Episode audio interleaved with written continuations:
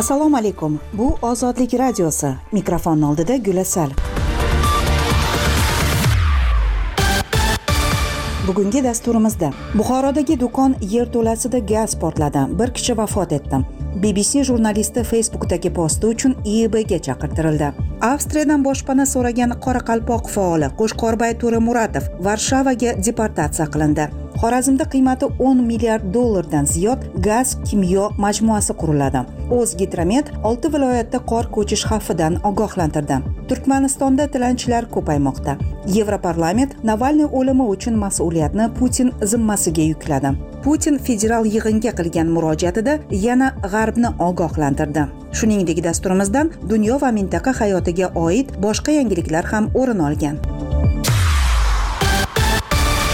Ozodlikda xabarlar. Birinchi mart kuni soat sakkiz yuz ellik yettilarda buxoro shahri yoshlik mahallasidagi avtomobil ehtiyot qismlari do'koni yerto'lasida dastlabki ma'lumotlarga ko'ra gaz havo aralashmasining chaqnashi sodir bo'ldi. Do'kon ikki qavatli binoning birinchi qavatida joylashgan bo'lib portlash oqibatida birinchi qavatning ikki dona beton plitasi qulab tushgan deya xabar bermoqda favqulodda vaziyatlar vazirligi matbuot xizmati. Dastlabki ma'lumotlarga ko'ra hodisa oqibatida bir nafar fuqaro olgan tan jarohatlari bilan voqea joyida halok bo'lgan. Yana bir nafar fuqaro turli darajadagi tan jarohatlari bilan shifoxonaga yuborilgan. Voqea joyiga viloyat va shahar favqulodda vaziyatlar boshqarmasi rahbariyati hamda yong'in qutqaruv ekipajlari va tegishli idoralar xodimlari yetib borishgan. Holat yuzasidan dastlabki tergov oldi surishtiruv ishlari olib borilmoqda. Avstriyadan boshpana so'ragan qoraqalpoq faoli qo'shqorbay to'remuratov varshavaga deportatsiya qilindi. Qozog'istonda yashab kelgan asli o'zbekiston fuqarosi bo'lmish qoraqalpoq faoli qo'shqorbay to'remuratov yigirma to'qqizinchi fevral kuni venadan varshavaga deportatsiya qilindi. Bu haqda uning o'zi x ijtimoiy tarmog'ida ma'lum qilgan. Hozirda u bilan aloqa uzilgan. Freedom of евразия tashkiloti rahbari leyla nazgul saidbek qo'shqorbay to'remuratov ayni damda varshava aeroportidagi izolyatorda ekan ekanligini tasdiqladi. Qo'rshqorbay turimuratov varshavaga yhxt majlisida ishtirok etish uchun kelgan edi. O'zbekistonda u qidiruvga berilgandan so'ng u venaga o'tib avstriyadan boshpana so'ragan. Avstriya uning bu so'rovini rad etgan va varshavaga qaytarib yuborgan chunki u avstriyaga aynan polsha orqali kelgan. Avvalroq polsha ham uning boshpana so'rovini rad etgan edi. O'zbekistondan qozog'istonga ko'chib ketgan qoraqalpoq diasporasining hayotida faol bo'lgan turimuratovning bu galgi so'rovi ham qon qondirilmasa u o'zbekiston yoki qozog'istonga qaytarilishi mumkin. To'remuratov ikki ming yigirma ikkinchi yilda qozog'istonda qoraqalpoq faollarini hibsga olish boshlangandan so'ng varshavada bo'lib o'tayotgan inson o'lchovi konferensiyasida ishtirok etish uchun polshaga kelgan va shu yerda qolib ketgan. Xorazmda qiymati 10 milliard dollardan ziyod yirik gaz kimyo majmuasi quriladi. Bu haqda 29 fevral kuni shavkat mirziyoyev xorazm viloyatini ijtimoiy iqtisodiy rivojlantirishning ustuvor vazifalari yuzasidan yig'ilishda ma'lum qildi. Loyihani barpo qilish bo'yicha dunyoning shu sohada eng ilg'or kompaniyalari bilan muzokara boshlangani ta'kidlandi. Bu loyiha ishga tushsa 3 mingta ish o'rni yaratiladi. Yiliga 24 million tonna yuqori qo'shilgan qiymatli polimerlar ishlab chiqariladi. Bu nafaqat xorazm uchun balki respublikamiz sanoatining flagmani bo'ladi dedi prezident. Shuningdek boshqa viloyatlardagi kabi xorazmda ham kecha fransiyaning mashhur voltalia kompaniyasi bilan hamkorlikda ilk bor 100 megavatli quyosh elektr stansiyasi qurilishiga start berildi. Bundan tashqari sanoatni rivojlantirish jamg'armasidan xorazmga 100 million dollar ajratiladigan bo'ldi. O'zgidromet birinchi martdan yettinchi martgacha olti viloyatda qor ko'chish xavfi borligi to'g'risida shoshilinch xabar tarqatdi. Rasman bildirilishicha qor ko'chkisi xavfi kutilayotgan yog'ingarchiliklar va havo harorati o'zgarishi sababli yuz berishi mumkin. O'zgidromet qashqadaryo surxondaryo samarqand jizzax toshkent va namangan viloyatlarining tog'li hududlarda istiqomat qiluvchi aholini dam oluvchilar hamda tog'li hududlarda harakatlanuvchi haydovchilarni ehtiyotkorlik choralarini ko'rishlari haqida ogohlantiradi. Turkmanistonda davom etayotgan iqtisodiy inqiroz aholi birinchi navbatda kam ta'minlangan oilalar va keksalar hayotiga tobora ko'proq ta'sir qilmoqda. Ashxobod ko'chalarida yosh bolali qariyalar va ayollar tilanchiliklari sezilarli darajada ko'paygani buning yaqqol alomatlaridan biridir. Yigirma yettinchi fevral kuni turkmaniston poytaxtida ozodlik radiosi muxbiri bilan suhbatlashgan nochor fuqarolarning aytishicha kundalik mehnatidan yoki davlat nafaqalaridan oladigan arzimas daromadi yashash uchun yetarli emas va ular tilanchilik tilanchilik qilishga majbur bo'lmoqda. Rasmiylar muammoni yashirish maqsadida ko'chada tilanchilik qilayotganlarni prezident va mamlakat obro'siga putur yetkazishda ayblab muntazam ko'chalardan yig'ishtirib ketadi. Yevropa parlamenti aleksey navalniy o'limi yuzasidan rezolyutsiyani qabul qildi. Hujjatda navalniyning o'limi qotillik ekani buning uchun jinoiy va siyosiy javobgarlik shaxsan prezident vladimir putin zimmasida ekani ta'kidlangan. Rezolyutsiyani yevroparlamentning besh yuz qirq yetti deputatidan besh yuz olti nafari qo'lladi. Bundan tashqari moskvadan zudlikda va hech qanday shartlarsiz siyosiy mahbuslarni va mahkumlarni ozod etish talab qilingan. Rezolyutsiyada rossiya siyosiy tuzumi jilovlanmagan korrupsiyaga duchor bo'lgan avtoritar rejim tomonidan nazorat qilinayotgani va bu rejim hokimiyatni saylov natijalarini soxtalashtirish vositasida egallab turgani ta'kidlangan. Federal yig'inga 29 fevralda murojaat bilan chiqqan rossiya prezidenti vladimir putin nutqini ukrainaga bosqin mavzusidan boshladi. Rossiya hozir o'z suverenitet va xavfsizligi uchun adolatli kurashni olib bormoqda degan putin maxsus harbiy amaliyotni rossiyaliklarning aksariyati qo'llayotganini iddao qildi. Putin nutqi davomida g'arb davlatlarini yana bir bor keskin tanqid qildi. G'arb bizning rivojlanishimizni to'xtatib qolishgagina intilmayapti. Ularga rossiya o'rniga yo'qlikka mahkum hudud kerak dedi putin. U so'zida davom etar ekan g'arb rossiya yevropaga hujum qilishga tayyorgarlik ko'rmoqda deb yolg'on gapirishda davom etmoqda. Bu alahsirash. Ukrainaga nato kontingentini jo'natish haqida gapira boshladilar. Ularga bizga kontingentlar jo'natganlarning taqdiri nima bo'lganini eslatamiz. Endi interventlar uchun oqibatlar avvalgilardan ko'ra fojialiroq bo'ladi. Bizda ularning hududlardagi nishonlarga zarba bera oladigan qurol bor dedi putin. O'tgan haftada aqsh kanada yevropa ittifoqi britaniya va qator boshqa davlatlar moskvaga nisbatan yangi sanksiyalarni joriy etgan edi. Jumladan aqsh rossiyaga nisbatan besh yuzta qo'shimcha cheklov kiritdi. Sanksiyalar putinning ashaddiy tanqidchisi o'laroq ko'riladigan muxolifatchi aleksey navalniyning qamoqda o'lgani va ukrainaga bosqinning ikki yilligi munosabati bilan kiritildi. Xabarlar bilan tanishdingiz bu va boshqa yangiliklar ozodlik nuqta org saytida. Eksklyuziv xabarlar radio eshittirish foto va video lavhalarni kundalik ravishda mobilingizda kuzatishni istasangiz bizni telegram ilovasida bir so'z bilan ozodlik kanali deb qidiring. O'zbekiston siyosat. O'zbekiston haqidagi negativ bbc jurnalisti facebookdagi posti uchun ichki ishlar boshqarmasiga chaqirtirildi. Tafsilotlar bilan gulasal. Yigirma sakkizinchi fevral kuni bbc o'zbek xizmati jurnalisti ibrat safo toshkentning chilonzor tumani ichki ishlar boshqarmasiga suhbatga chaqirtirildi. Bu haqda britaniyada yashayotgan jurnalist o'zining facebook sahifasida yozdi. Ibrat safoning ma'lum qilishicha o'zbek huquq tartibot idoralari uning shu yil birinchi fevralida toshkent shahridagi milliy bog'da qurib qolgan ko'l va magic city qurilishi qilishi haqida ijtimoiy tarmoqda qoldirgan posti bilan qiziqmoqda. Jurnalistning yozishicha chilonzor tumani iio fmbning jasur ismli xodimi unga internetda o'zbekiston haqida negativ yozgani uchun prezident administratsiyasi qoshidagi ommaviy axborot vositalarini monitoring qiluvchi markazdan topshiriq olganini aytgan. Ibrat safoga ko'ra ieo xodimi o'zbekiston hukumatini obro'sizlantirish haqidagi qonunga ishora qilgan. Biroq bu qanday qonun ekanini izohlamagan. Ayni paytda jurnalist o'z postida biror ism yoki shaxslarni tilga olmaganini ta'kidlaydi. Shundan norozi bo'lishibdi. Jasurning necha yoshligi yo jurnalistika borasidagi bilimini bilmayman lekin u meni patriot bo'lmaslikda aybladi va bunday postlarni yozishni to'xtatishimni buyurdi. U o'zining patriot ekanini ham aytdi. Aynan qanday mavzularda yozishi mumkinligi haqida maslahat maslahat so'raganimda javob bermadi. Qachon o'zbekistonga kelishimni bilishga uringanida undan aviachipta so'raganim ham negadir unga yoqmadi. Endi shikoyatini tashqi ishlar vazirligiga jo'natar ekan deb yozdi ibrat safo. Bbc jurnalisti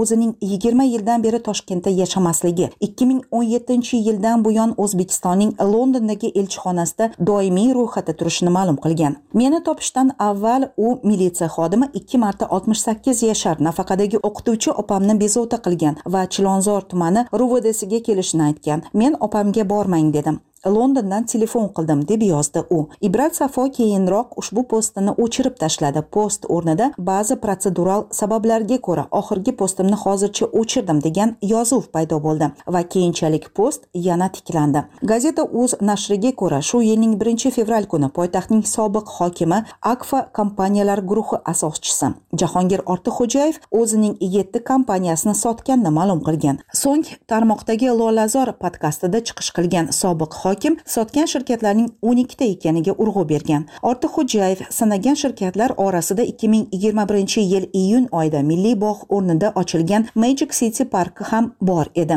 Loyihaning investori akfa tarkibiga kiruvchi stargate systems bo'lib kompaniya toshkent markazidagi yigirma butun yuzdan yetmish to'qqiz gektar xiyobon hududini qirq to'qqiz yillik ijara bilan o'ziga rasmiylashtirgan. Gazeta o'zining yozishicha ustav kapitali to'rt yuz yigirma olti butun o'ndan to'qqiz milliard so'm bo'lgan stargate systems kompaniyasi ta'sischilari toshkent akvarium va o'zbekiston prezidentining sobiq maslahatchisi abdujabbor abduvohidovning o'g'li alisher abdujabborovich abduvohidov ekani aniqlangan. Shuningdek alisher abduvohidov toshkent akvariumiga to'la egalik qiladi hamda artel technical school va boshqa korxonalarda ulushlarga ega. Bbc o'zbek xizmati ikki ming o'n sakkizinchi yilda o'zbekiston tashqi ishlar vazirligida akkreditatsiyadan o'tgan va o'zbekistonda o'z muxbiriga ega. Undan oldinroq o'zbekiston hukumati bbc o'zbek xizmati kontentiga qo'yilgan to'siqni olib tashlagandi. O'zbekistonda jurnalist va blogerlarning ichki ishlar va xavfsizlik idoralariga chaqirilishi noodatiy bo'lmasada aksariyat ijtimoiy tarmoq faollari bbc jurnalistining bu kabi suhbatga chaqirilishidan taajjub izhor qilishdi. Eski o'zbekistonda bo'lmagan ishlar yangi o'zbekistonda bo'lyapti deb yozdi ibrat safoning posti ostida izoh qoldirgan narimon bek ismli facebook foydalanuvchisi.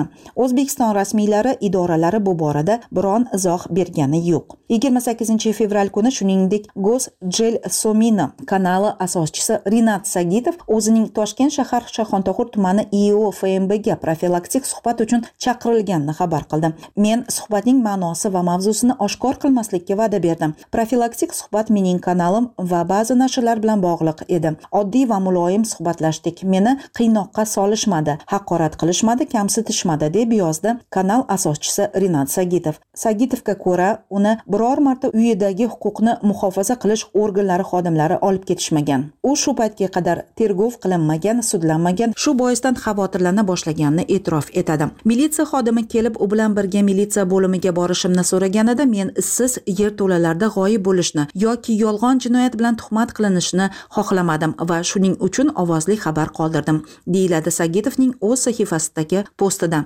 Rinat sagitov militsiyaga olib ketilishi ortidan qo'yilgan posti bmtning inson huquqlari bo'yicha komissariyati ombudsman va boshqa fuqarolik jamiyati faollarining ijtimoiy tarmoqdagi guruhlarda muhokama mavzusiga aylandi. Surxondaryo viloyati uzun tumani ichki ishlar boshqarmasining ismi sir qolishini istagan xodimga ko'ra facebook ijtimoiy tarmog'i faoli g'ayrat norqobilovga nisbatan o'zbekiston respublikasi ma'muriy javobgarlik to'g'risidagi kodeksning ikki yuz ikkinchi moddasi bilan ma'muriy ish qo'zg'atilgan. Mazkur ma'muriy ish jinoyat ishlari bo'yicha surxondaryo viloyati uzun tumani sudida ikki ming yigirma to'rtinchi yilning yigirma to'qqizinchi fevralida ko'rib chiqilishi belgilangan. Ichki ishlar boshqarmasi xodimiga ko'ra g'ayrat norqobilov ijtimoiy tarmoqlarda negativ materiallar yozib prezident va uning siyosatini obro'sizlantirgan. Ichki ishlar boshqarmasidagi manbaning aytishicha norqobilov ikki ming yigirma uchinchi yilda norasmiy haqiqat taraqqiyot va birdamlik demokratik partiyasiga imzolar to'plash partiya tarafdorlarini faollikka targ'ib qilgan. Dxxning surxondaryo viloyati boshqarmasida to'plangan materiallarga ko'ra unga nisbatan ma'muriy ish qo'zg'atilgan norqobilov ozodlik bilan suhbatda prezident mirziyoyevning so'z erkinligi borasidagi islohotlari ortga qaytmas ekaniga ishonishini ijtimoiy tarmoqlardagi materiallarda biror bir shaxsni haqorat qilmagani kimgadir tuhmat qilmaganini aytdi.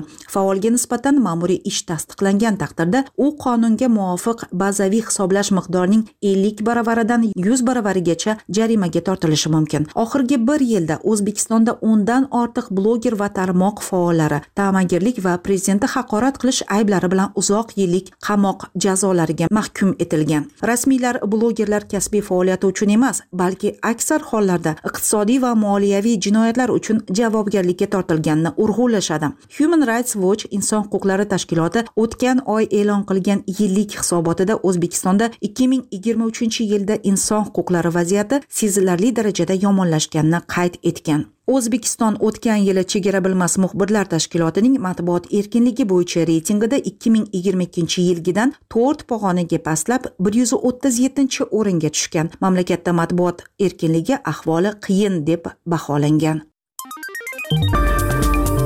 Ozodlik radiosi instagram tarmog'ida. Kundalik xabarlar audio video lavhalarimizni kuzatishingiz do'stlaringiz bilan osongina ulashishingiz mumkin. Lotinda ozodlik radiosi deb qidiring.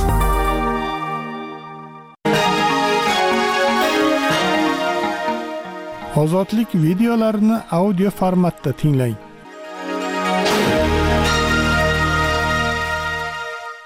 Harakatlar strategiyasidan taraqqiyot strategiyasi haqida yurtimizda hozircha yagona bir insonning to'ng'ich qizingiz saida mirziyoyevani prezidentlik prezident yordamchisi lavozimiga ishga ko'tarilgani va taraqqiyot sari qadam bosganligini guvohi bo'ldim. Boshqa hech qanday taraqqiyotni man ko'rmadim va sezmadim janobi prezident. Shu yilning 24 fevral kuni farg'onalik bloger guli mirzayeva qashqadaryo viloyati muborak tumani ichki ishlar bo'limi tomonidan hibsga olingan.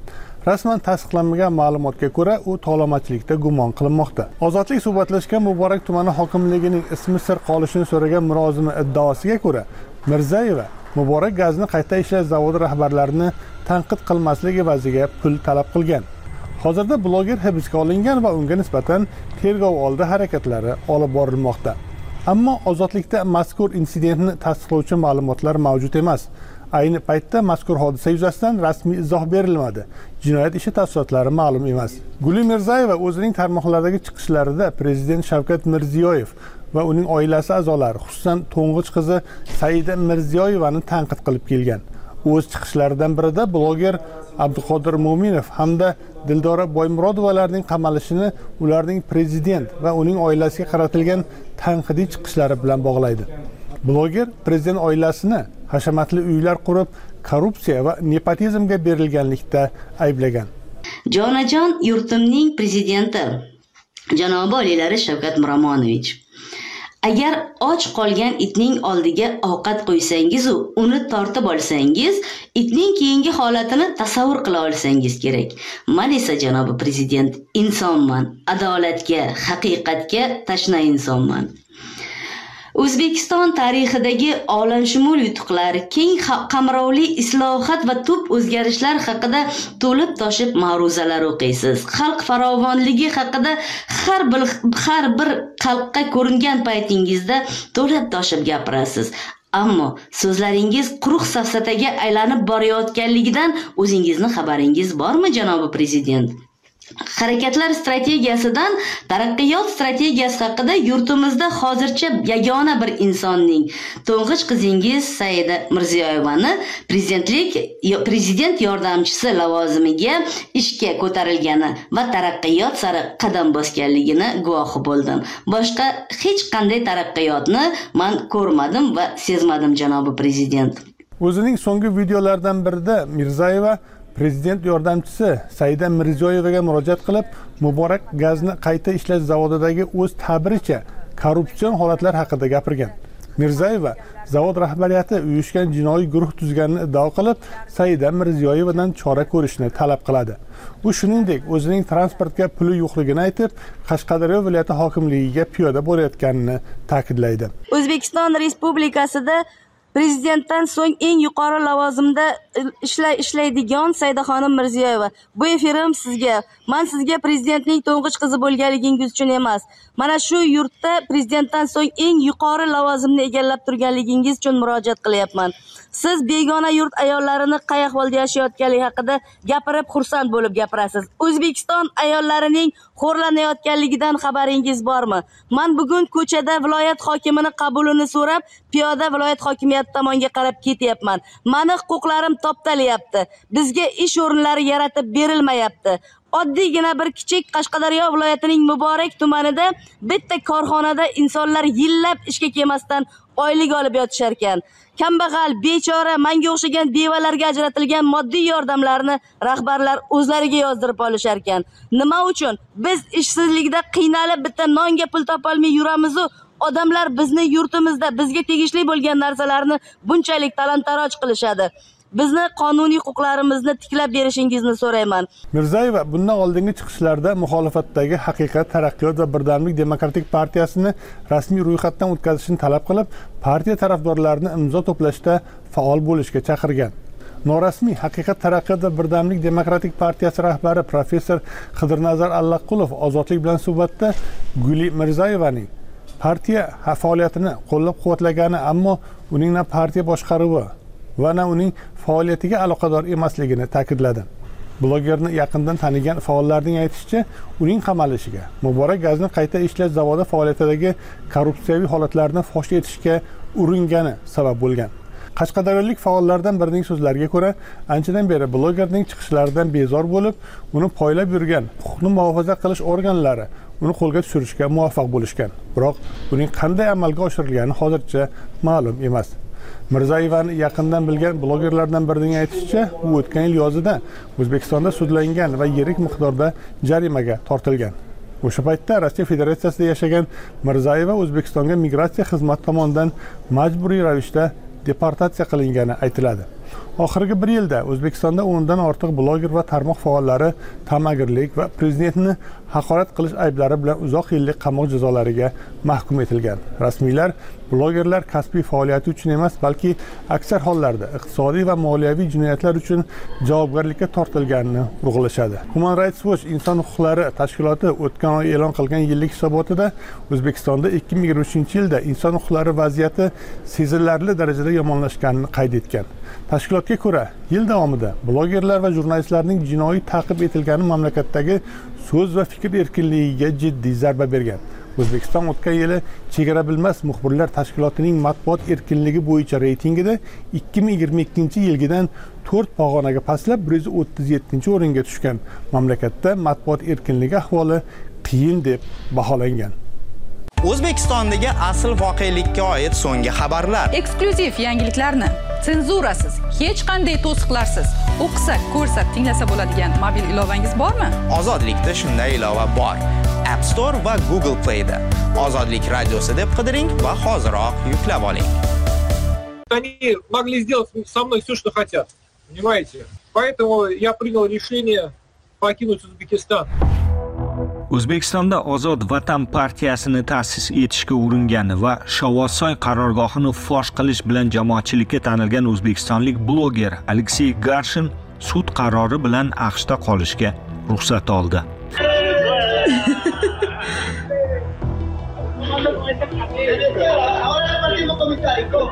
Bundan oldin u to'rt oy bu mamlakatning migratsiya izolyatorida saqlandi.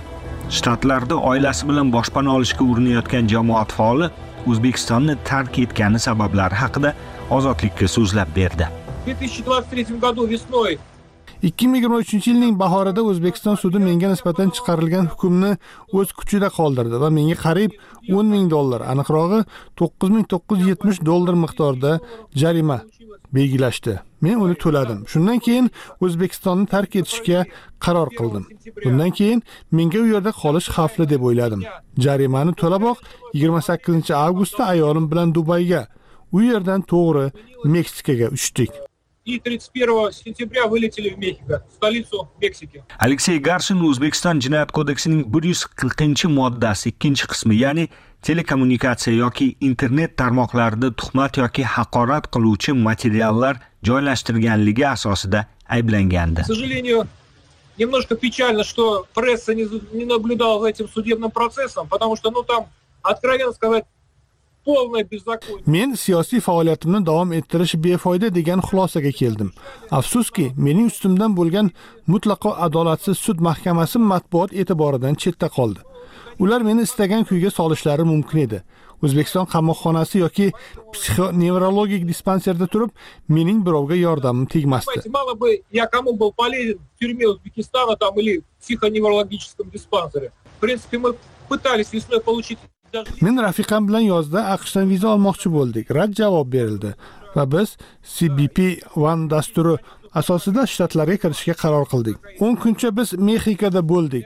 25 sentyabr kuni bizga cbp one dasturidan ijobiy javob keldi va dastur taklifi bilan 15 oktyabrda san isidoro chegarasini kesib o'ta boshladik. Chegaradan o'tish biz o'ylagandek oson bo'lmadi.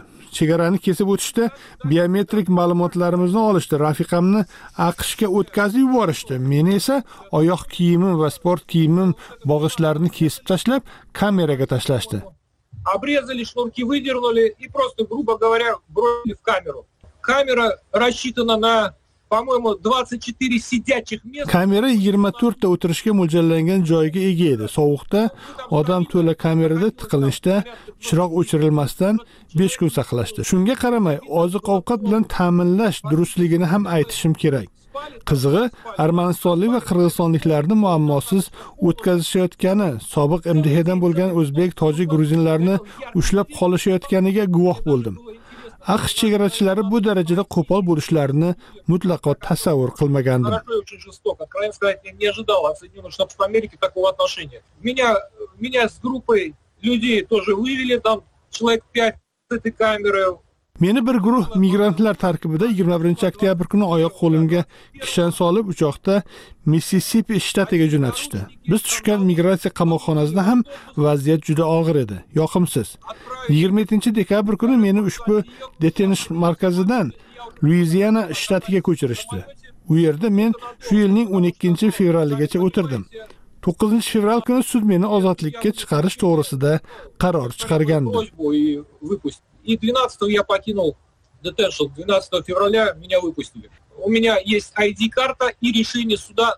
qo'limga id karta tutqazishda sud qaroridan boshqa hujjatlarim yo'q 3 kun kam 4 oy davomida jismoniy qiynoqqa solish bo'lmadi lekin ruhan juda og'ir bo'ldi men ham o'zbekistonga deportatsiya qilishlariga rozi edim ruhan juda charchagandim nohaqlik bo'lmasin lekin meni aqshda qolishimga sudya konklin sababchi bo'ldi. U ariza topshirib ortga qaytish qarorimdan voz kechishga undadi. Unga rahmat aytmoqchiman.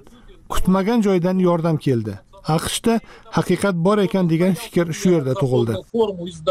То есть только благодаря этому судье я оказался вот здесь, в Соединенных Штатах Америки. Вы знаете, много в комментариях, и меня обвиняют, что я работаю на Госдеп, получая свои печеньки, скажем так. shu paytgacha meni aqsh davlat departamentiga ishlashda ayblab kelishgan mana ko'rishsin demoqchiman men bu yerda hozircha hech qanday hukumatdan yordam olayotganim yo'q пускай вот люди вот хотелось бы узнать, вот, получил свои печеньки я. Очень жестко все было. garshin meksikaning aqsh bilan chegarasida juda ko'plab markaziy osiyolik jumladan o'zbekistonliklarni uchratganini aytadi u aqsh migratsiya izolyatorida asosan samarqandliklar edi deydi. Э, ну, английский мало кто понимал, но, знаете, контингент умеет, скажем так, который пересекает границу, конечно, в основном. Ingliz tilini juda kamchilik bilardi. Chegarani kesib o'tayotganlar asosan nochorlikdan iqtisodiy ahvoli yomon bo'lganlar ekani ko'zga tashlanadi. Lotin amerikasi afrika boshqa mamlakatlardan. O'zbeklardan asosan samarqandliklar. Bir necha kishi toshkent urganchdan ham bor edi nima uchun samarqandliklar ko'p degan savolga o'zim ham javob topolmadim достаточно много людей, но очень много самаркандцев. сказал, извините, пожалуйста, это моя родина, это мой дом. Сделать музей коррупции, наверное. jamoat faoli YouTube'da muntazam ravishda prezident Mirziyoyevni keskin tanqid qilgan videolarni joylashtirgani eng avvalo Toshkent yaqinidagi tog'larda qo'riqxonada prezident uchun qurilgan Shovvozsoy yashirin dam olish maskanini fosh qilgan bir qator tergov videolari bilan tanilgan edi Все. Я вам сейчас Ага. в лоб скажу. Да. Вот эта территория охраняется для чего? Ага. Там внутри горы, Ага. Там и дача есть. Ну, 25 Дача. километров отсюда, 30 минимум до Мы слышали. До Дача, Шавасая. дача нашего уважаемого президента. До Шавасая. Да. До Шавасая. keyinchalik ozodlik olib borgan maxsus surishtiruv toshkent viloyatining ohangaron tumani hududidagi ugamchotqol tog' tizmalari bag'rida yashirilgan bu qarorgoh prezident mirziyoyev uchun maxsus qurilgani sun'iy suv omborini ham ichiga olgan ulkan majmua ekanini o'rtaga chiqardi. Qudratli mulozimlar yoki milliarder oligarxlar tog'larni teshib daryolarni to'sib o'ziga koshona yoki qasr qurishi mumkindir. Lekin uning ustidan uchishni taqiqlab qo'yish uchun milliardlab pulning o'zi yetarli emas. Bunga siyosiy qudrat yoki vakolat kerak bo'ladi. Bu vakolat esa faqat bir shaxs davlat rahbarida bor. Ushbu eksklyuziv imtiyoz faqat davlat rahbari yashaydigan ishlaydigan va dam oladigan binolarga beriladi. Demak endi shovvozsoy rezidensiyasining aynan prezident mirziyoyev uchun qurilganiga shubha qolmadi. Ana shu xabardan so'ng garshin juda qisqa muddatda YouTube'da armoqda videolarni joylab katta kichik muammolarni ko'tarib kelayotgan toshkentlik vloger sifatida keng jamoatchilikka tanildi.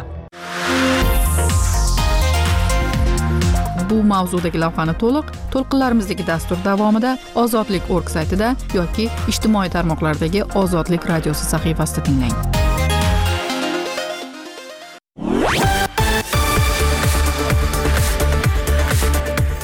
Ozodlik to'lqinlaridasiz. Yangiliklarni biz bilan birga kuzatishda davom eting. Xayrli kun.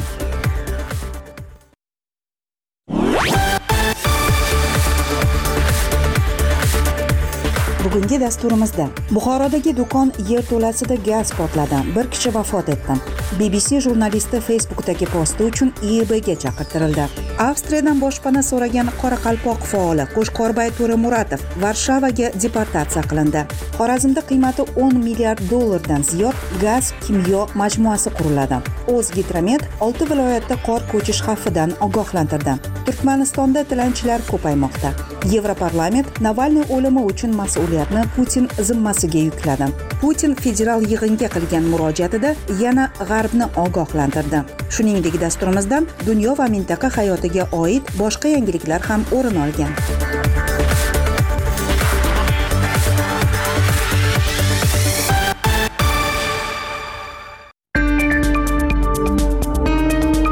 Instagram ozodlik mushtariylari soni shiddat bilan oshib borayotgan ijtimoiy tarmoqlardan biridir. Kundalik xabarlar yangiliklar audio video lavhalarimizni kuzatishingiz o'z munosabatingizni bildirishingiz do'stlaringiz bilan osongina ulashishingiz mumkin. Ozodlik radiosi instagram tarmog'ida. Lotinda ozodlik radiosi deb qidiring.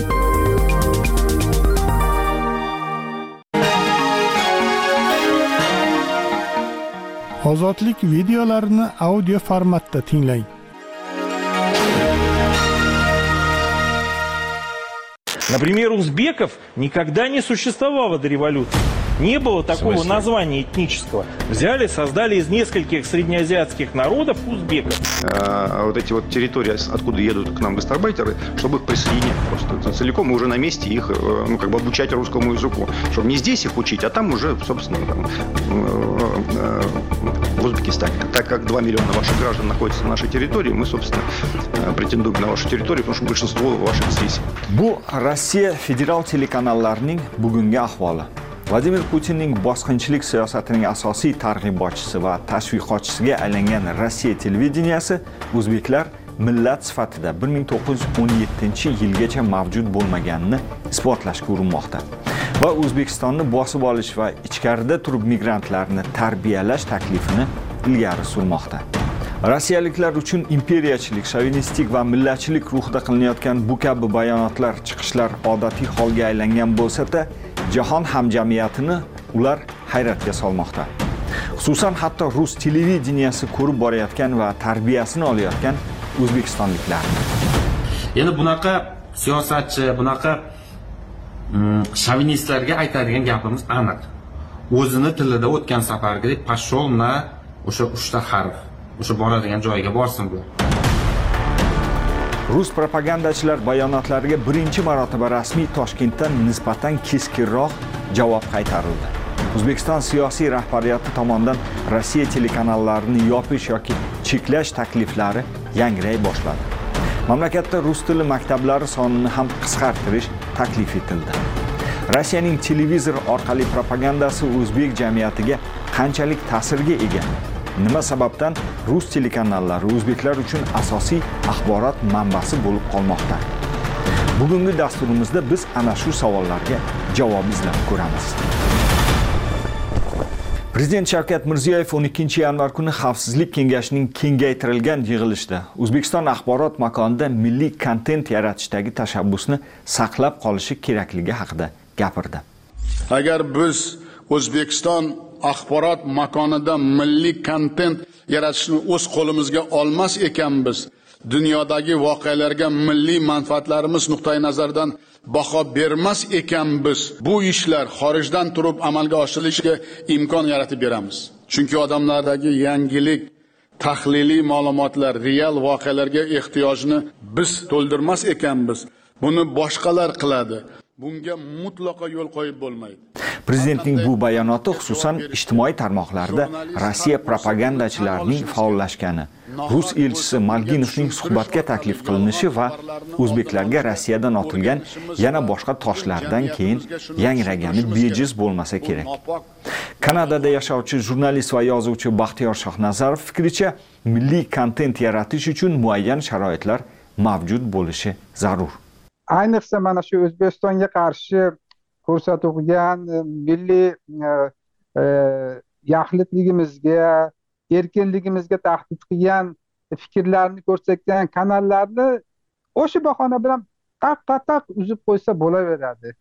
Reklama beruvchilar ham keyin o'zimizni kanallarga o'tadi shunda o'zimizni hmm. kanallarga ko'proq pul tushib balki kontentlarni sifatini oshirishadi masalan eng prime timelarda mana shu kanada telekanallari ham amerikani ko'rsatuvlarni olib ko'rsatadi shuning uchun bizda ham kanadada ham e, milliy kontent e, o'zimizda alohida har xil e, mashhur shoularni kanada versiyasini tayyorlashga katta ahamiyat beriladi. Lekin baribir bu narsa oson ish emas. Endi prezident chiqib milliy kontent yaratinglar desanglar o'zidan o'zi yaratib bo'lmaydi uning uchun hmm. baza bo'lishi kerak. Uning uchun senzura bo'lmasligi kerak. Erkin ijodga yo'l qo'yilishi kerak. Buni davlat yo'lga qo'yishi kerak emas. Bu xususiy kanallarni o'zlari qilish kerak. Uning uchun xususiy kanallarga to'siq qo'yaverish kerak emas. Sen iye mana bu narsamizga to'g'ri kelmaydigan narsa ko'rsatib qo'yibsan yoki bunday siyosatimizga to'g'ri kelmaydigan narsa ko'rsatib qo'yibsan deb hadeb bular senzura qilaversa ikki dunyoda ham rivojlanmaydi. Shavkat mirziyoyevning bu gaplariga e'tibor qaratgan tahlilchi yuliy yusupov o'zbekistonliklarning yangilik tahliliy ma'lumotlarga ehtiyojini qondirayotgan rossiya axborot vositalari o'zbeklar miyasiga mutlaq yolg'on nafrat adovatni joylamoqda. To'g'ridan to'g'ri ksenofobiya va natsistlar g'oyasini ilgari surib kelmoqda dedi. Rossiya rahbariyati o'z mamlakati ichida barcha erkinlik alomatlarini bo'g'ib qo'ygan holda chinakamiga fashistik diktatura yaratib ukrainaga qarshi to'la ko'lamli jinoiy qonli agressiyasini boshlagan bir paytda ham ushbu propaganda mashinasining ishi yurtimizda hech qanday to'siqlarsiz o'z ishida davom etmoqda. Shu bilan birga kreml sssrni qayta tiklash bo'yicha o'zining imperiyalik ambitsiyalarini yashirmayapti. Rossiya tashqi ishlar vazirligi alohida siyosatchilar va shaxslarning g'alati bayonotlari tabiatdan sof subyektiv fikr ekaniga e'tibor qaratishga urindi. Ammo o'zbekiston prezidentining o'zi bu masalaga e'tibor qaratgani boshqa davlat va siyosiy faollarni sahnaga chiqishga undadi. Tarmoq faollari rossiyaning propaganda telekanallarini yopish va o'zbekiston mustaqilligi va hududiy butunligini savol ostiga olgan shaxslarning mamlakatga kirishini taqiqlash yuzasidan shoshilinch qarorlar qabul qilishga chaqirishmoqda. Tarmoqlardagi bahsga birinchi marta mamlakatning mafkuri uchog'i sanalgan ma'naviyat va ma'rifat markazi rahbari minhojiddin mirzo ham qo'shildi. Ammo minhojiddin mirzo birato'la barcha xorijiy telekanallar va hatto saytlarni zudlik bilan cheklashni taklif qildi. Bugun shovinistik propaganda yuzidagi niqobni yirtib o'zining haqiqiy basharasini namoyish qilar ekan ularning xatti harakatida fashizmning qo'lansa hidi anqiydi.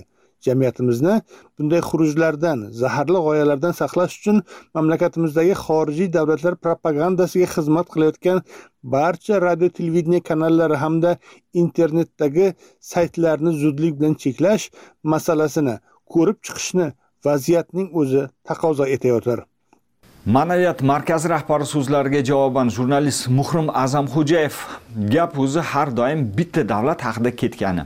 Davlatlar deb bir yaxshi tashabbusning rasvosini chiqarishga zarurat yo'qligini eslatib qo'ydi. O'zbekistonga faqat rossiya propaganda kanallari tashlanyapti. Cheklovning keragidan ortiq kengayishiga imkon beruvchi boshqa tashabbuslarga zarurat yo'q menimcha. Bloger va adliya vaziri maslahatchisi shahnoza soatovaning fikricha hozirgi vaziyatda rossiya propaganda tvlarini taqiqlashning o'zi yetarli emas nazarimda rus propaganda tvlarni taqiqlashning o'zi kifoya emas ammo taqiqlash shart bugunoq. O'zimizning kuchli milliy kontent kerak mustaqillikning ahamiyatini ko'rsatadigan sifatli va ta'sirli kontentlar. Davlat tili bo'yicha ishlarni kuchaytirib alifboni biryoqli qilaylik. Sobiq deputat va jamoat faoli rasul kushirbayev ham o'zbekistonda ukraina bosqini arafasidagi usul qo'llanayotganidan ogohlantirgan.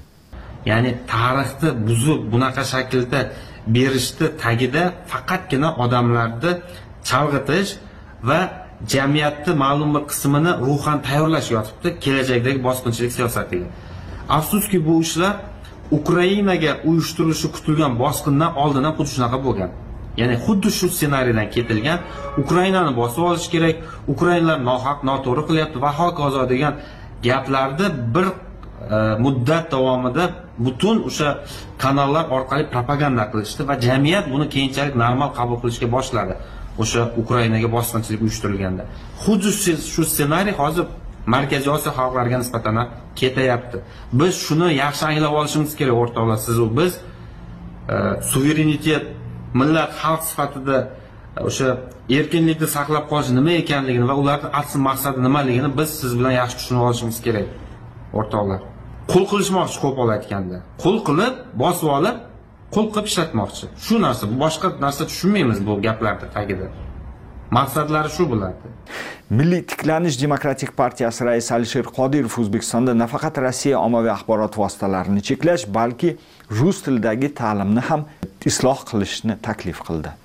Bu holatda munosabatlar o'z yo'liga amaliy choralar haqida o'ylashimiz kerak. Masalan uch foizga ham bormaydigan rus vatandoshlar uchun ta'lim va televideniyada rus tili nomutanosib darajada ko'p. Bu nomutanosiblik tugatilishi kerak. Birinchidan o'zbekistonda boshlang'ich ta'limni ona tilda o'qitilishi bo'yicha norma qonunga kiritilishi mumkin. Ikkinchidan qozoq ozar qirg'iz turkman turk va tojik qardoshlar bilan teleko'rsatuvlar almashishni yo'lga qo'yaylik. Alisher qodirovning bu bayonoti ko'plab jamoatchilik vakillari va ziyolilar tomonidan ma'qullandi. Bu holatda munosabatlar o'z yo'liga amaliy choralar haqida o'ylashimiz kerak. Masalan uch foizga ham bormaydigan rus vatandoshlar uchun ta'lim va televideniyada rus tili nomutanosib darajada ko'p. Bu nomutanosiblik tugatilishi kerak. Birinchidan o'zbekistonda boshlang'ich ta'limni ona tilda o'qitilishi bo'yicha norma qonunga kiritilishi mumkin. Ikkinchidan qozoq ozar qirg'iz turkman turk va tojik qardoshlar bilan teleko'rsatuvlar almashishni yo'lga qo'yaylik. Bundan bir yil oldin ozodlik o'tkazgan so'rovga javoban bergan o'zbekistonliklarning aksari ukraina urushida rossiyani qo'llab quvvatlayotgani ruslar ukrainada banderachi fashistlar bilan urushayotganiga chin dildan ishonishiga guvoh bo'lgandi. Men ko'pincha manimcha ukraina aybdor chunki tinch xalqini o'zini xalqini o'zi shunaqaga boshlayapti ukraina? Albatta. Chunki u anavi aslidan rossiyani yeri hisoblanganda. Ukraina bo'lsa kerak. Bilmayman endi rossiya har qalay oldindan o'zimiz ham sssr davlat bo'lganimiz uchun baribir rossiyaga anaqa qilamizda putinning mustaqil ukrainaga qilgan harbiy tajovuzi ikki yilligi arafasida biz rossiya televideniyasida taqiqlanishi kerakmi yo'qmi savolini oddiy o'zbekistonliklarga berib ko'rdik mani fikrim rossiya tortida o'zi e, rus tilini ozmuncha bilaman yoqtirmayman uncha shunaqa ularni fikrini eshitgandan keyin shunaqa bo'ldi. Manimcha to'g'ri bu. Rossiya kanallarini запрет e, qo'yish. Chunki ko'pchilik o'shandan o'rganadida ba'zi narsalarni e, ayniqsa sovetskiy odamlar borku bizada sovetskiy rus davrida masalan arzon bo'lardi. Oylik yaxshi bo'ladi shunga o'xshagan narsalarni yo'qotish uchun. Keyin yana bitta fikr e, istalgan bitta e, rasmiy chiqadigan nima deydi? Qaror bo'ladimi yoki boshqa bo'ladimi ularni o'zbekcha qilish kerak. Ko'proq rus tilida chiqadiku. O'shalarni yo'qotish kerak deb o'ylayman birinchi.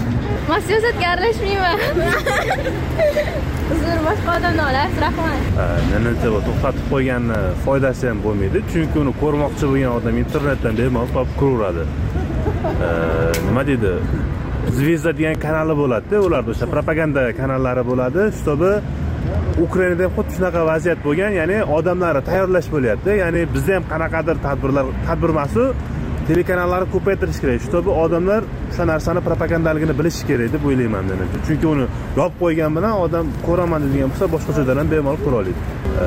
O'zbek siyosatchilari bor o'sha otabek bakirov bor iqtisodchilar yoki boshqalar bor o'shalar e, xolisroq fikr beradi menimcha. O'shalarnikini ham ko'rgan yaxshiroq. Chunki televizorda yaxshi yoritib berisholmayapti bu narsani. Shu sababli. Manimcha to'xtatilmasa kerak chunki bog'liq joyimiz shuncha migrantlar ishlayapti borib kelib qarshiman uni yo'qotishga rossiya kanallarini taqiqlash kerak emas. Umuman o'zi taqiqlash bilan e, hech narsa yaxshi tomonga tez o'zgarmaydi. Ko'proq o'zimizni ommaviy axborot vositalariga erkinroq berish kerak. E, shunda o'zi siqilib e, chiqariladi. Chunki e, rossiyada ko'p narsa asosan propaganda u ko'p kuchli emas rossiya kanallari. O'zimizdagilar masalan hozir ko'proq yoshi kattaroq e, atrofimda ko'raman yoshi kattaroqlar shunaqa rossiya kanallarini ko'radi ular ham foizi o'ta kam. Hozirgi masalan o'zim tengi o'zim qatorlar umuman e, masalan rossiya kanali ko'rmaydi ko'proq e, ingliz tilini biladiganlari ingliz tilidan oladi и o'zbek hozir kontentlar ham yaxshilanib boryapti. Masalan youtubeda chiqib turadi yaxshi yaxshi o'zimiz siyosatchilar yaxshi rasul masalan. Alisher qodirov kamol chiqib turadi. Ko'proq shulardan eshitamiz. Shu borayotgan odam e, hamma narsaga yopishadi deydi. Masalan bunaqa narsa qozog'istonga ham tashlab turadi e, o'zbekistonga ham shunaqa xabar tashlab turadi. Masalan e, deputatlari masalan aytib turadi.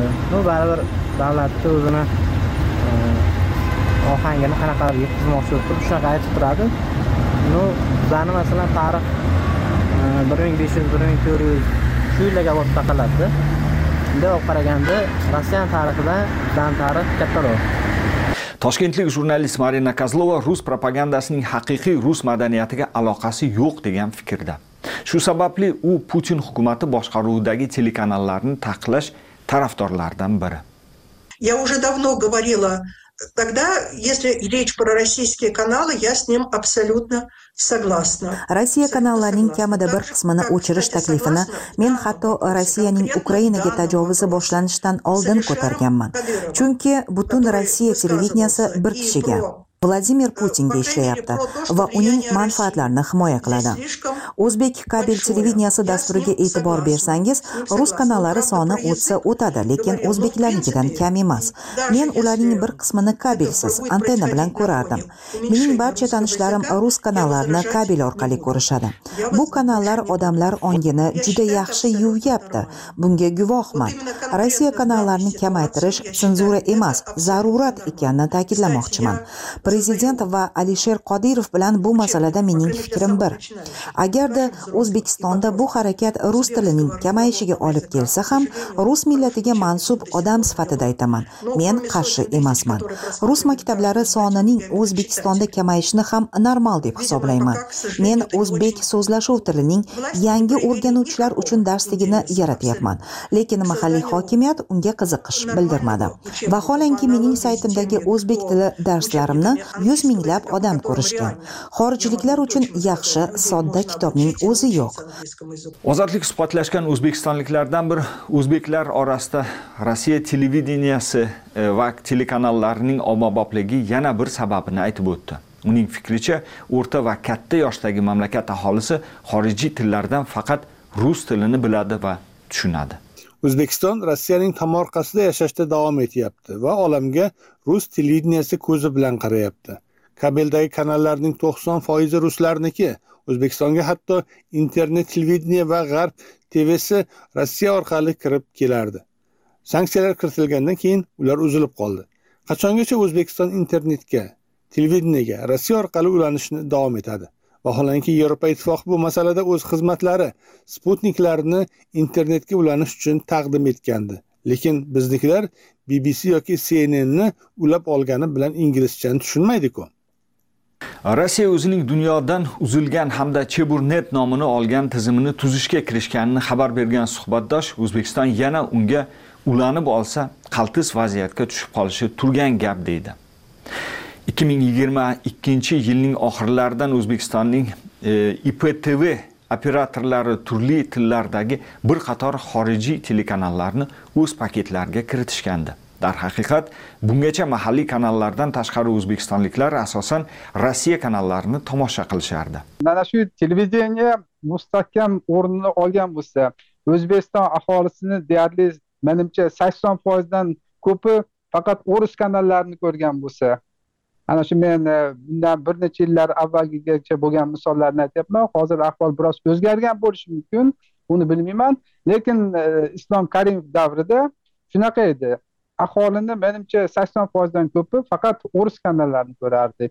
Yoki bo'lmasa mana qo'shni qozog'iston qirg'izistondan e, o'ris kanallari u yerda bemalol olib ko'rsatilardi. Ular ana shu ular orqali ulardan kelgan to'lqinlar orqali o'ris kanallarini ko'rardi. Agar bu yoqdan e, e kamchilik bo'lgan bo'lsa ham.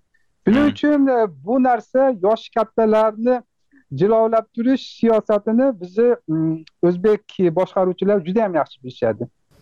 Ip televideniye operatorlari e, paketi qatoridan bbc cnn bloomberg france 24 xitoyning cgtn turkiyaning trt avaz belarus 24 telekanallari ham o'rin olgani aytilgandi. Bu kanallar o'zbek jamoatchiligi rossiya telekanallarining o'zbekiston auditoriyasiga katta ta'siri borligi. Zero o'zbek kanallari axborot bo'shlig'ini yuzaga keltirgandan o'z tashvishlarini bildira boshlagandan keyin kiritilgandi. 2022 yilning 12 aprelida gazeta uzda chiqqan pedagog va faol komil jalilovning maqolasida jumladan bunday deyilgan. Mtrkning asosiy kanali bo'lmish o'zbekistonning haftalik teledasturlar rejasi tahlil qilinsa televideniye efirida o'zbekistonliklarga dunyoda nima ro'y berayotganini tushuntiradigan nima fakt va nima feyk ekanligini anglashda bizga yordam beradigan turli xil muhim masalalar bo'yicha o'zbekiston pozitsiyasini tushuntiradigan bitta ham ko'rsatuv yo'qligining guvohi bo'lish mumkin. Rossiya kanallarining aksariyati ommaviy axborot vositalari to'g'risidagi qonunlar va xolisona jurnalistika tamoyillarini buzganligi uchun yevropa ittifoqi va qator boshqa mamlakatlarda taqiqlangan. Rossiyaning rtvi kanali e'lon qilgan mana bu xaritada rossiya telekanallari taqiqlagan yoki qisman cheklangan mamlakatlar ro'yxati keltirilgan. Unda o'zbekiston ham borligiga e'tiboringizni qaratmoqchiman. Под пропаганду России напрямую или через каких-то знакомых попадают не только русскоязычные. Rus propagandasi ta'siriga nafaqat rus tilida so'zlashuvchi balki oddiy o'zbeklar tushayotganini aytib o'tmoqchiman. Ammo ilgari ular ochiqcha putinni qo'llab quvvatlashgan bo'lsa oxirgi bir ikki yil ichida bunday gap so'zlar kamayib qoldi. Ular o'z qarashlariga shubha bildira boshladi. Hukumat bu masalada chala choralarni qo'llamasligi kerak. Masalan rus shovinizmini tanqid qilib kelayotgan o'sha alisher qodirov haligacha rossiyaning ukrainaga bosqinini qoralagan qilgani yo'q. Paritet saqlashni yoqlayotgan o'zbekiston hukumati unda ukrain kanallarini ham kiritsin. odamlar o'zlari nima yolg'on nima haqiqat ekanini anglab olishsin. agarda ukraina tvsi bo'lmasa unda rus kanallarni ham olib tashlang ukraina voqealari o'zbek internet segmentida yaxshi yoritilayotgan bo'lsada o'zbek televideniyasida bu haqda lom mim deyilmayotgani ham axborot izlayotgan rossiya kanallariga bo'lgan qiziqishni orttirmoqda.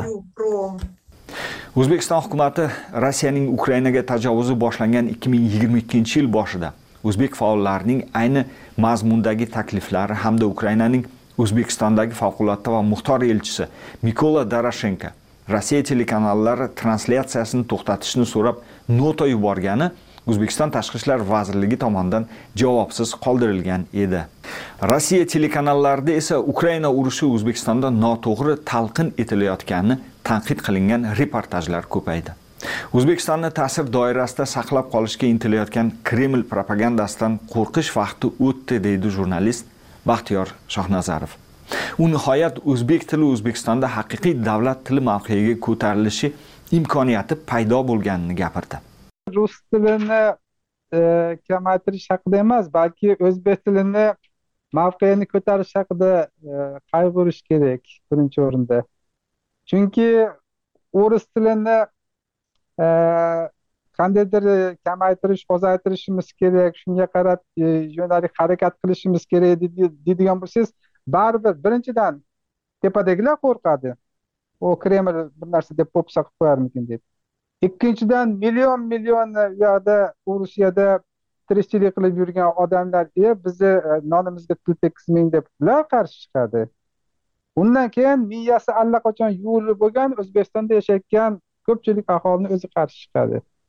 Bu afsuski ijtimoiy e, yuzaga kelgan vaziyat bu. Buni o'zizcha bitta o'chirgichni olib shundoq qilib o'chirib tashlay olmaysiz. Mumkin emas bu. Bu uzoq mana shu o'tgan o'ttiz yil e, mobaynida shakllangan bir holat bu.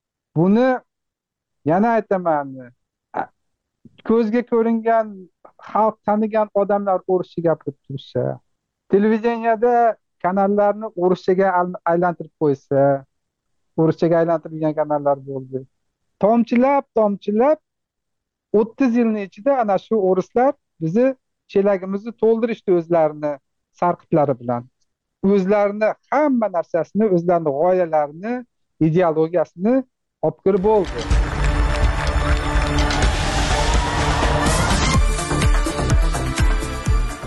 o'zbekiston prezidenti shavkat mirziyoyev 21 fevral kuni kelajak o'yinlari musobaqasining tantanali ochilish marosimida ishtirok etish uchun amaliy tashrif bilan rossiyaning qozon shahrida bo'ldi mirziyoyevning rossiyaga navbatdagi safari moskva ukrainaga boshlagan asossiz tajovuzning 2 yillik sanasi arafasida o'tdi. Mirziyoyevning rossiyaga navbatdagi tashrifi shuningdek toshkentlik jurnalist va rektor sherzodxon qudratxo'janing so'zlari tufayli yuz bergan diplomatik mojaro va tarmoqlarning o'zbek segmentida ko'tarilgan qizg'in muhokamalar fonida e'lon qilinmoqda. 14 fevral kuni rossiya tashqi ishlar vazirligi o'zbekistonning moskvadagi elchisi botirjon asadovga o'zbekiston jurnalistika va ommaviy kommunikatsiyalar universiteti rektori sherzodxon qudratxo'janing so'zlari munosabati bilan norozilik bildirgandi. Moskva sherzodxon qudratxo'janing o'zbek tilini bilmaydiganlar bosqinchi yoki ahmoq ekani o'zlari hal qilishlari kerakligi haqida aytgan so'zlarini o'ta haqoratli va mutlaqo qabul qilib bo'lmas deb atagan.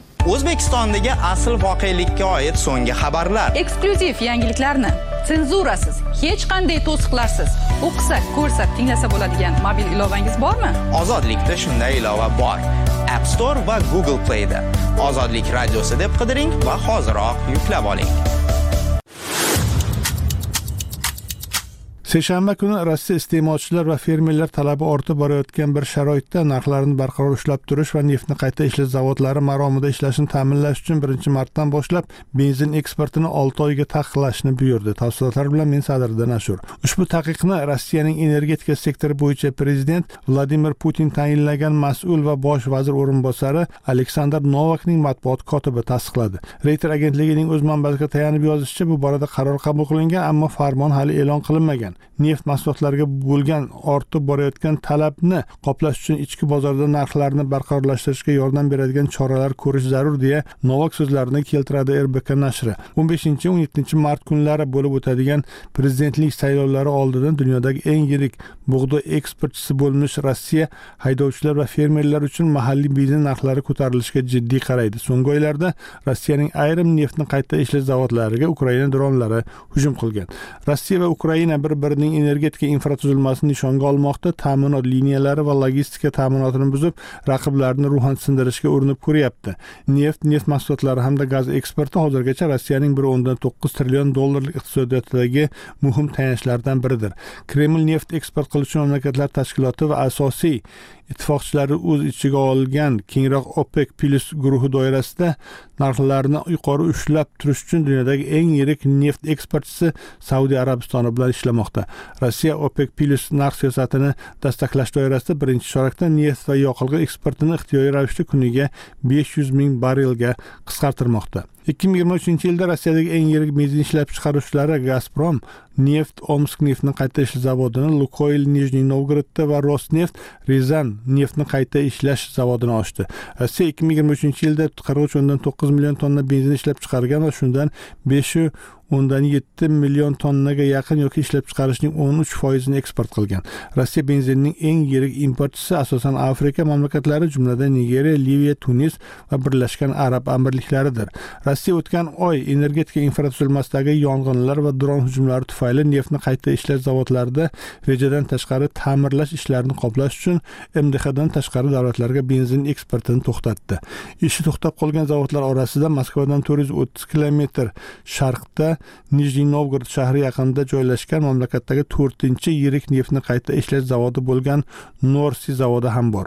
O'tgan yili rossiya yuqori ichki narxlar va taqchillikni bartaraf etish uchun sentyabr va noyabr oylarida benzin eksportini taqiqlagan edi. Bu safargi taqiq yevro osiyo iqtisodiy ittifoqiga a'zo davlatlar mo'g'uliston o'zbekiston va gruziyaning ikki separatistik mintaqasi janubiy osetiya va abxaziyaga taalluqli bo'lmaydi.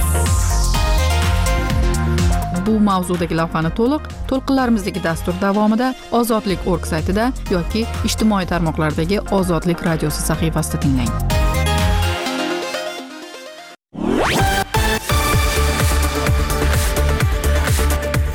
Ozodlik to'lqinlaridasiz. Yangiliklarni biz bilan birga kuzatishda davom eting. Xayrli kun.